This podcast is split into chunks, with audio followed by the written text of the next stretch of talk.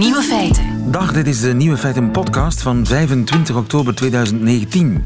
In het nieuws vandaag dat de heren onder ons alvast een nieuw gadget op hun kerstlijstje kunnen zetten. De Testicuzzi. En ja, dat is precies wat u vreest dat het is. Een jacuzzi voor uw testicles, uw ballen. Want, zo zegt het promopraatje, na een lange dag in een veel te strakke broek is er geen beter gevoel dan twee zakjes kamillethee in warm water dopen. Twee marshmallows in een warme chocomelk.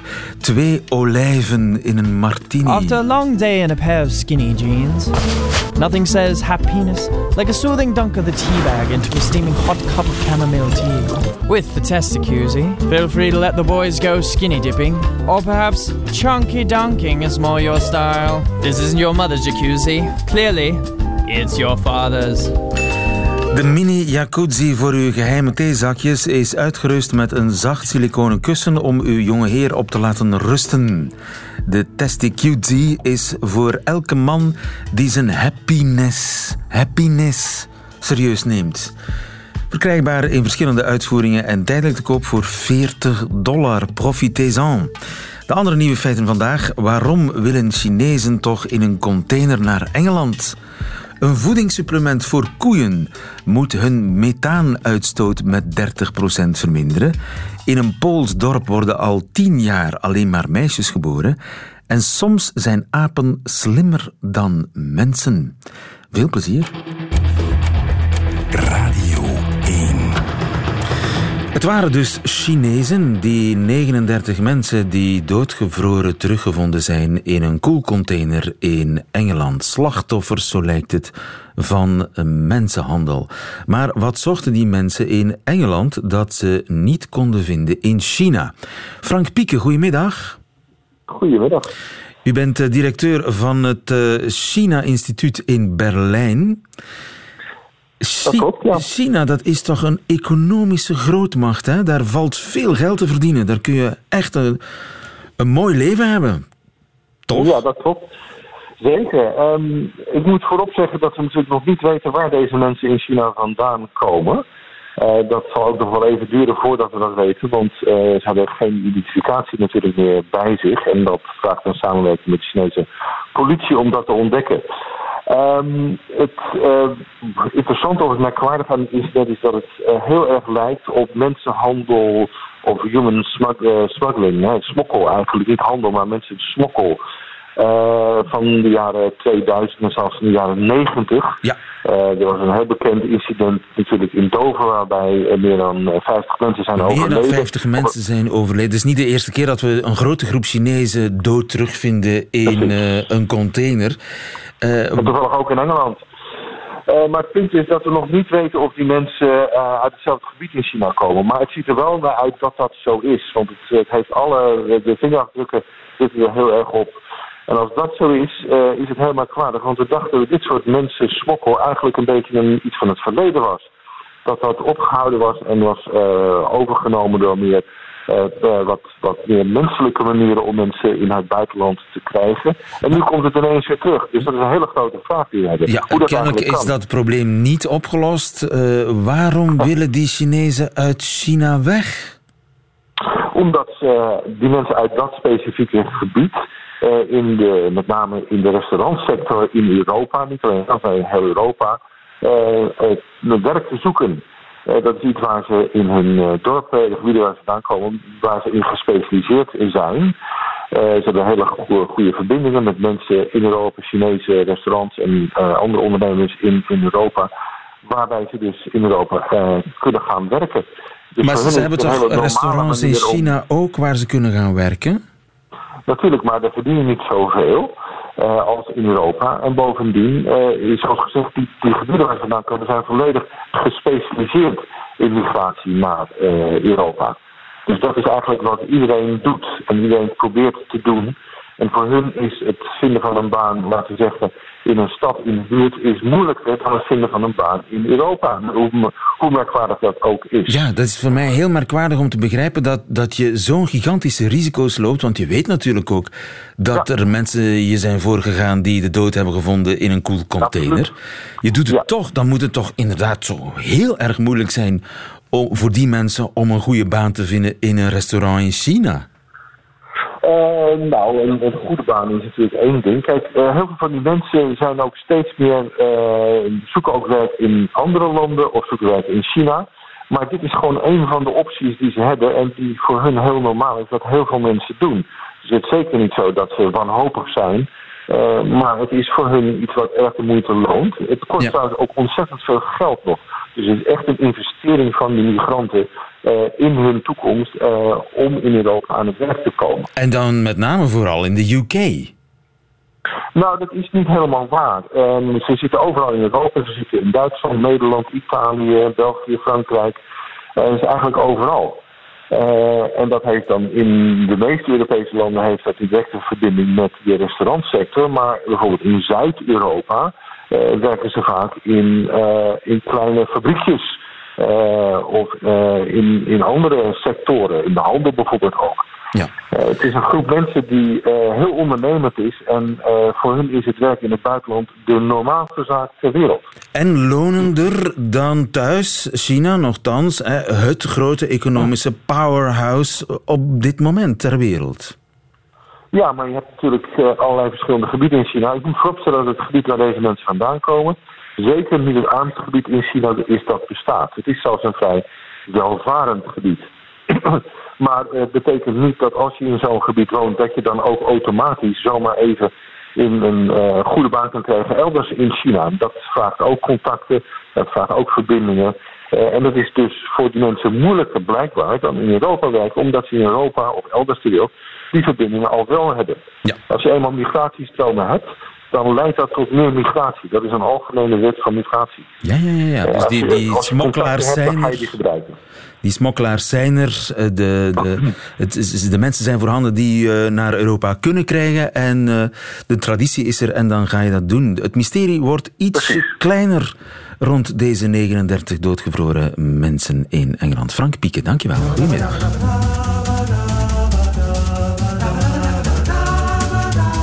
Nieuwe feiten. Om evenveel broeikasgas uit te stoten als één koe moet u met uw auto al 25.000 kilometer per jaar rijden. Maar hulp is onderweg in de vorm van een poeder. Jan Dijkstra, goedemiddag. Goedemiddag. Meneer Dijkstra, u heeft een poeder ontwikkeld samen met de universiteit om de ecologische voetafdruk van koeien te verkleinen. Zijn koeien dan zulke grote klimaatzondaars? Wel, um, allereerst, dat, dat hebben wij niet zelf ontwikkeld. Dat poeder dat is door een bedrijf ontwikkeld. En wij evalueren of testen de werkingsmechanismen van het poeder. Dus wij kunnen goed methaan uh, meten die de koeien uh, uitstoten. En ja, een koe stoot methaan uit. En methaan is een krachtig broeikasgas. Het is ongeveer 30 keer 30 keer krachtiger dan kooldioxide, het meest bekende broeikasgas. En ook op die manier dragen koeien bij aan wereldwijde uh, opwarming hè, van de aarde. En dat is methaan hè, dat ze uitstoten? Ja, ze stoten methaan uit en het methaan dat ontstaat omdat een, eh, kijk, een koe die eet veel uh, voedsel waar veel vezel in zit, zoals gras. Dat vezel, dat kan de koe zelf niet verteren, kunnen wij, u en ik ook niet. Um, dat wordt gedaan door micro-organismen in de pens van die koe. Die micro-organismen die breken dat gras bijvoorbeeld af. En in dat proces komt methaan vrij. Dat methaan dat komt dan weer via de neusgaten, verlaat het dier het weer. Ja, het boert dat methaangas via de neusgaten uit. Ja, dat klopt. Als een koe boert, dat, uh, dat doet ze netjes, dan houdt ze de bek dicht. En dat betekent dat het gas wat uit de voermagen komt, ja, dat komt in de, de mondholte, uh, gaat via de mondholte in uh, de luchtpijp, de longen. En dan ademt het dier uiteindelijk uit via de neusgaten. En dan komt het vrij natuurlijk in de atmosfeer. Ja. En op die manier draagt het bij een opwarming. Ja, want methaan houdt de warmte vast in de atmosfeer en is een veel krachtiger broeikasgas dan eh, CO2 dat door mijn auto wordt uh, uitgestoten. Naar het schijnt zou 5%, 5% is veel, van de totale uitstoot van broeikasgas uit de neusgaten van koeien komen. Ja, dat klopt. Dat is uh, eh, 5% of wereldwijd ruwig 6% van alle uh, broeikasgassen is afkomstig van methaan van alle herkauwers wereldwijd. Dat zijn dan koeien, schapen, geiten, buffels, noem maar op. En dat is natuurlijk een behoorlijk aantal wat we graag willen verminderen. Ja, en daarvoor zouden we dus die koeienadem klimaatvriendelijker moeten maken. Hoe kunnen we dat doen? Ja, dat kun je op allerlei manieren doen. Het, heel, het belangrijkste is gewoon dat je een koe um, een, een, een, een, goed voedsel geeft. Een koe is een verteerder van vezels, zoals ik al zei. En het is belangrijk dat het voer wat je aanbiedt, uh, vooral het uh, vezelrijke voer, dat van een goede kwaliteit is. Dat dus is het hangt ook van het gras af. Ja, het hangt van het gras af. Als je bijvoorbeeld in de winter geven veehouders uh, geconserveerd gras, dat noemen we graskuil. En als dat gras uh, wat vroeger gemaaid is, als het nog bladrijk is, weinig stengel, is het goed verteerbaar vergeleken met gras wat je later maait. Dan is het veel stengel, is het slechter verteerbaar. Nou, dat uh, bladrijke gras... in methaan. Ja, 30% minder methaan bij het bladrijke gras dan bij een ouder gras. Ja. En nu is er ook een poeder klaar. Ja. er is een eh, poeder dat is nu uh, ontwikkeld door een bedrijf. En uh, dat is ook wereldwijd in diverse onderzoeken is dat getest. En dat blijkt heel duidelijk de methaan te kunnen verminderen. Het bedrijf heeft in verschillende onderzoeken aangetoond dat het methaan met ruwweg 30% kan verminderen. Nou, het werkingsmechanisme, het is een beetje afhankelijk van welk type voer je geeft. Hoe meer vezel in het voer, hoe minder effectief het witte poeder is. Voor bijvoorbeeld de Nederlandse omstandigheden schat ik in dat het ongeveer 20% vermindert. Het methaan ja. vermindert 20% van de koe. En dat is een soort voedingssupplement zeg maar, voor de koeien. En dat is eigenlijk klaar om op grote schaal uitgerold te worden. Uh, het is nog niet helemaal klaar in de zin van het, ieder, ieder uh, toevoegmiddel aan een voer, of het voor mensen is, voor dieren, alles moet altijd eerst uh, getest worden natuurlijk op veiligheid.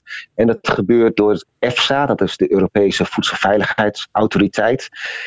die moet dat beoordelen. Op dit moment is EFSA daarmee bezig. En naar verwachting is over een jaar bekend of ook EFSA het een, een veilig toevoegmiddel vindt. En dan kunnen alle koeien van Europa daarmee worden gevoederd.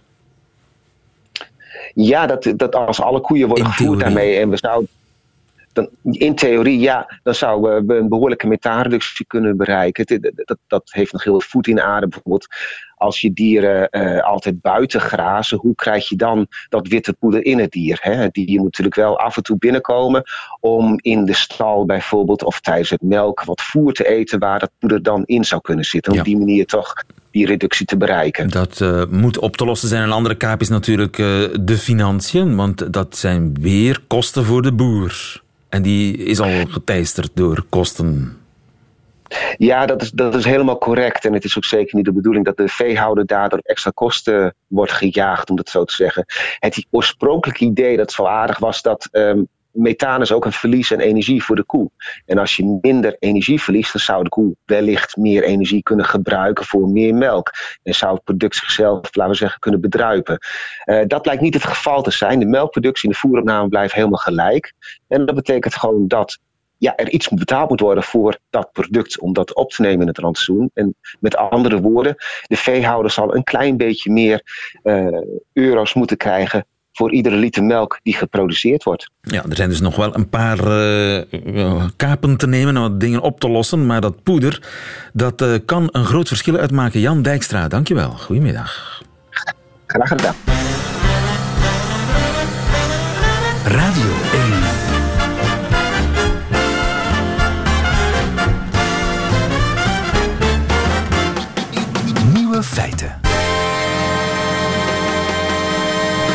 De voorbije tien jaar is er geen enkele jongen meer geboren in een bepaald dorp in Polen. Alleen maar meisjes. Sylvia Wenmakers, goedemiddag.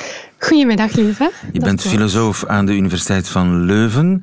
Dat dorp dat heet toevallig of niet Miestje.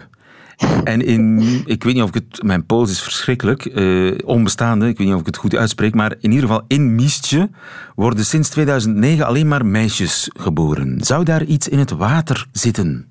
Wel, wat, wat denk je zelf? Uh, zou Ja. dat eh, nodig zijn om dat te verklaren? Ik vermoed dat er toch iets aan de hand moet zijn. Hormoonverstoorders in het water of, of een soort genetische mutatie die daar per ongeluk is ontstaan. Ja, maar met de informatie die we nu hebben eh, van die plaats waar dat gebeurd is, hoe stellen we ons dat voor? Zou dat een middelgroot dorp zijn of eerder een gehucht? Wat denk jij, lieve? Eh, ik zoek het even op. En Aha. eh, ik zie dat er iets meer dan 300 inwoners zijn in Ja, het is één straat. En dat is al een deel van de verklaring. Het is een hele ja, een kleine plek waar het gaat dus maar over 12 geboortes in ongeveer 10 jaar tijd. Dat is al een deel van de verklaringen. Het zou veel vreemder zijn als een hele grote stad alleen maar eh, meisjes eh, of, of enkel jongens eh geboren Ja, mochten in Brussel worden. alleen maar meisjes geboren worden de voorbije tien jaar, dan was dat er echt iets in het water. Ja, dan zouden we wel verder moeten zoeken. Ja. Maar in dit geval ehm, is het naar alle waarschijnlijkheid toeval. En zouden we ons kunnen voorstellen dat er ergens op de wereld net zo goed plaatsen zijn waar er in een soortgelijke periode eh, of, of ook in twaalf geboortes enkel jongens geboren worden. Ja, maar dat is toch wel Eh. heel toevallig, hè? Al, al, al twaalf jongens, geen enkel meisje. Wel, we kunnen het, eh, we kunnen het berekenen al- als we die geboortes vergelijken met ja, een munt opgooien. Het is kop of munt bij een muntworp. Eh, net zo goed is het bij een geboorte eh, een jongen of een meisje. De kansen 50-50. zijn ongeveer 50-50. Ehm, er zijn 4096 combinaties mogelijk eh, als je 12 keer eh, ja, een geboorte waarneemt of een, een munt opgooit. En die 4096 combinaties zijn allemaal even onwaarschijnlijk. Dus ze hebben allemaal kans van 1 op 4096. Dus, eh, Waar komt die kans dat- 4000 plotseling vandaan? Wel, als je een munt één keer gooit of als je één geboorte waarneemt, dan zijn er twee mogelijke uitkomsten. Als je dat twee keer doet en je houdt rekening met de volgorde, dan heb je al vier combinaties. En zo verdubbelt het elke keer. Als je dat twaalf keer doet, dan kom je uiteindelijk aan 4096. Ja.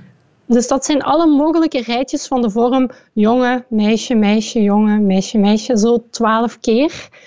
En één van die mogelijke volgordes is dus 12 keer meisje, meisje, meisje, meisje, meisje en zo verder. Ja. Dus die reeks heeft een kans van 1 op 4096. Ja. Maar ook elke andere volgorde had maar zoveel kans. Dus stel dat het wel eh, ongeveer 50-50 was, maar je zou, heel, eh, je zou specifiek gaan zeggen van eerst was een jongen, toen een meisje, nog een meisje, een jongen, een jongen, een jongen, een meisje en zo verder. Dan zou die, als je de volledige reeks geeft, dat zou ook maar één kans op 4096 zijn. ja, maar dus ja, op 12 geboortes. Vroeger waren er gezinnen met, met acht zonen, hè? Dat kan, hè? Precies. En dus ook, eh, om, om, om op die grootte van dat dorp terug te komen, ook in een groot ziekenhuis eh, of in een grote stad, eh, in een stad worden er zelfs meerdere eh, kinderen per dag geboren, daar ga je re- tijdelijk reeksen hebben waarin er bijvoorbeeld eens acht of zelfs twaalf geboortes op een rij van hetzelfde geslacht zijn. Alleen valt dat daar natuurlijk niet op. Wat je hier hebt in dit dorp, daar zijn nu maar die twaalf kinderen. Bovendien hebben ze daar een jeugdbrandweerteam. En dan is het natuurlijk zeer zichtbaar, die toevallige fluctuatie. Want ze hebben daar nu een team met jeugdbrandweerlieden die enkel uit meisjes bestaan. Enkel uit de Wat meisjes. enkel uit meisjes Het bestaat. ja. is toeval. Het bestaat toeval. Ja, zeker. Dankjewel, Sylvia Wenmakers. Goedemiddag. Graag gedaan. Dag lieve. Radio 1. Nieuwe feiten. Tuurlijk zijn wij mensen uniek en verschillen we wezenlijk van alle andere dieren, maar soms zijn we ook veel dommer. Wim van Duffel, goedemiddag. Goedemiddag. U bent neurofysioloog aan de Universiteit van Leuven. In Amerika is een eh, interessant experiment gedaan met apen die een eh, soort primitief videospel moesten spelen. En blijkt dat de apen daar beter in zijn dan mensen. Hoe kan dat? Ja, dat, eh, dat klopt inderdaad. Eh, het was zoals u zei een eenvoudig videospelletje eh, waarbij drie stimuli aangeboden werden op een scherm en, en die apen moesten de volgorde van die stimuli juist aanduiden. eerst een, een, vierkantje met rode bolletjes, dan eentje met strepen en dan een driehoekje dat blauw was en dan kregen ze een snoepje, een beloning. Dus zij moesten de sequentie, de juiste sequentie van, die vier, van die drie stimuli we kunnen detecteren en aanduiden om een beloning te krijgen. Ja, en daar waren de mensen toch ook goed in, neem ik aan. Om te, ja, Uiteraard, uiteraard waren de mensen daar ook goed in. En uiteraard leren mensen dat veel sneller dan apen om op een correcte manier op te lossen. Ja, ik moet eerst daarop drukken, dan daarop drukken en dan krijg ik een beloning. Ja. Mensen leren dat Inderdaad. snel. Juist. Inderdaad, mensen leren dat snel en apen leren dat ook, maar die hebben daar meer beurten voor nodig om dat correct te kunnen uitvoeren.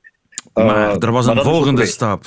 Uh, de volgende stap was dat dus uh, het gemakkelijker uh, werd gemaakt en, en, en de subjecten, zowel de mensen als in, in, in, het voorgaande onderzoek als de apen, die kregen in één keer een, een, een scherm te, te zien waar dat ze eigenlijk niet meer die sequentie moesten afgaan, maar direct eigenlijk naar de oplossing konden gaan om de beloning te krijgen. Met andere woorden, ze konden een alternatieve strategie gaan volgen om sneller, efficiënter eigenlijk uh, de taak uh, op te lossen. Ah ja, dus op een gegeven moment was die volgorde niet meer belangrijk. Je kon onmiddellijk op de hoofdprijs drukken en je kreeg een beloning. Inderdaad, ja.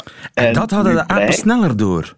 Nu blijkt dat inderdaad uh, apen dat veel rapper doorhebben dan mensen. Dus mensen zitten als het ware meer vastgebakken in een strategie die ze aangeleerd, die ze zeer snel kunnen aanleren.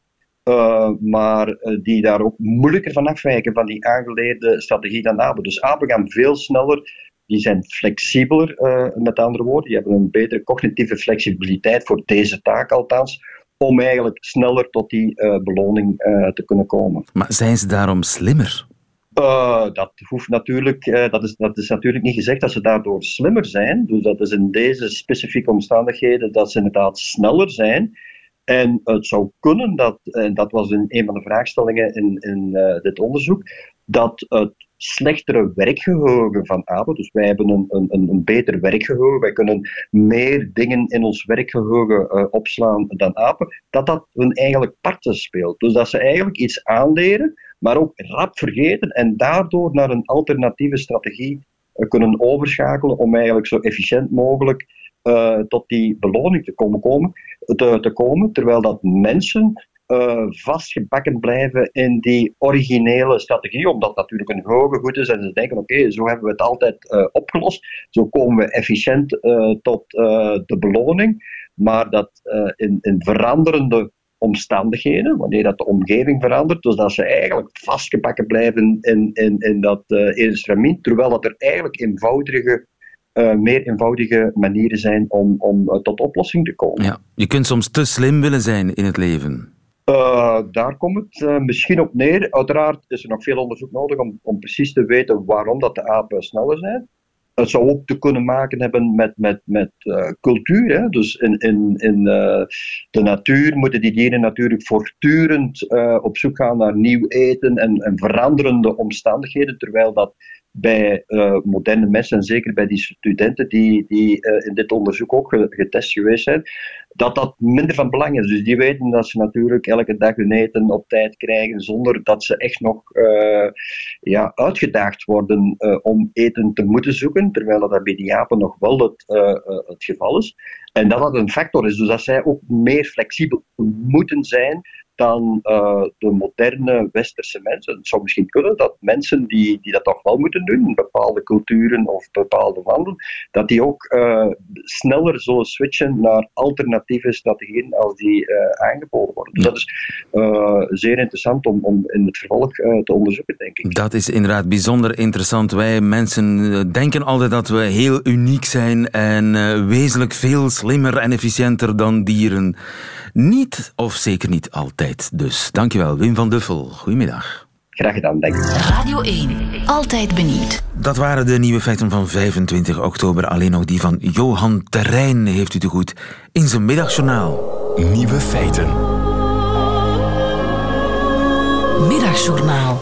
Laten we IJsland Groenland noemen en Groenland IJsland.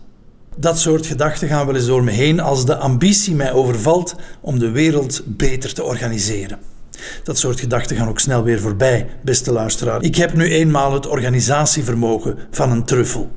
Niet dat het niet klopt, er is meer groen op IJsland en meer ijs op Groenland, maar het is zo'n gedoe om het te veranderen.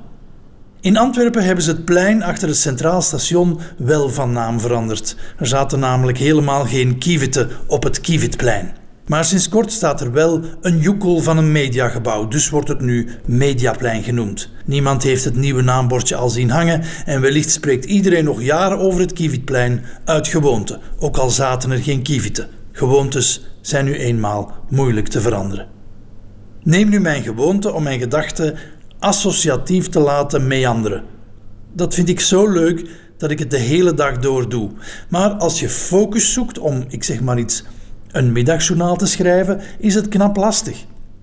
Dan probeer je wel met te denken: waar zal ik het nu weer eens over hebben? En huppakee, je gedachten zijn weer vertrokken, kronkelend door de bedding van je hersenpan. Zouden ze in het bedrijfsrestaurant van de VRT, van SBS of het Mediahuis al overwogen hebben om dagelijks gehakt parmentier op het menu te zetten? Vraag ik me dan af. En dan bedenk ik me dat er ook een station, de achterkant van de Zoo, het verdeelcentrum van de Velocus, op het voormalige Kievitplein in Antwerpen staan. Maar dat het toch niet het Stationsplein, het achterkant Zooplein of het Velocusplein is geworden. Nee, het is het Mediaplein. Binnenkort horen we reporters zeggen: Dit was Bo van Spilbeek van op het Mediaplein in Antwerpen. Dat is wat anders dan: Dit was Connie Mus van op het Kievitplein. Het zal helpen om de naam Mediaplein in te burgeren, maar dit terzijde. Ik had het over veranderen van gewoontes en dat dat moeite kost en tijd vraagt. Bo van Spilbeek die is ook van naam veranderd. Een hele herorganisatie was dat. Ook daar werd op de redactie nog een hele tijd over gestruikeld. En zij zelf? Zou zij vanaf dag 1 het juiste slipje uit de lade hebben genomen? Of zou ze zich ook nog wel eens vergist hebben en pas op het werk hebben doorgehad dat ze een bokser aan had in plaats van een tanga? Af en toe vliegt er dan wel eens een gedachte uit de bocht, beste luisteraar, zoals deze laatste. Maar toch hou ik meer van associatief dan van rechtlijnig denken. Die gewoonte wil ik niet veranderen.